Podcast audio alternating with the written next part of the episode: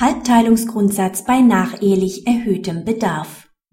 Auch wenn der Bedarf des nachehelichen Unterhalts nicht allein nach den ehelichen Lebensverhältnissen bemessen ist, sondern aufgrund krankheitsbedingter Unterbringung erhöht ist, wird der Anspruch durch den Halbteilungsgrundsatz strikt beschränkt.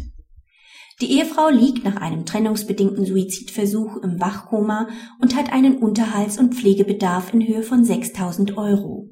Sie erhält eine Erwerbsminderungsrente von 1050 Euro und Pflegegeld von 1280 Euro. Der Ehemann verdient netto 3950 Euro und macht weitere Abzüge geltend. Die Ehefrau beantragt Unterhalt in Höhe von 2950 Euro, sodass dem Mann nur der Selbstbehalt bliebe. Das Amtsgericht beschränkt die Prozesskostenhilfe auf einen Unterhaltsbetrag von 1240 Euro. Die sofortige Beschwerde der Frau hat keinen Erfolg. Das Oberlandesgericht sieht bei dem darüber hinaus verfolgten Anspruch den bei der Bedarfsbestimmung zu beachtenden Halbteilungsgrundsatz verletzt. Dem Mann hat auch in diesem Fall mindestens die Hälfte des ehelichen Einkommens zu verbleiben. Ob zu dem um den erwerbstätigen Bonus bereinigten Nettoeinkommen des Mannes neben der Rente der Frau das Pflegegeld als Einkommen mit Lohnersatzfunktion zu zählen ist, kann dahinstehen.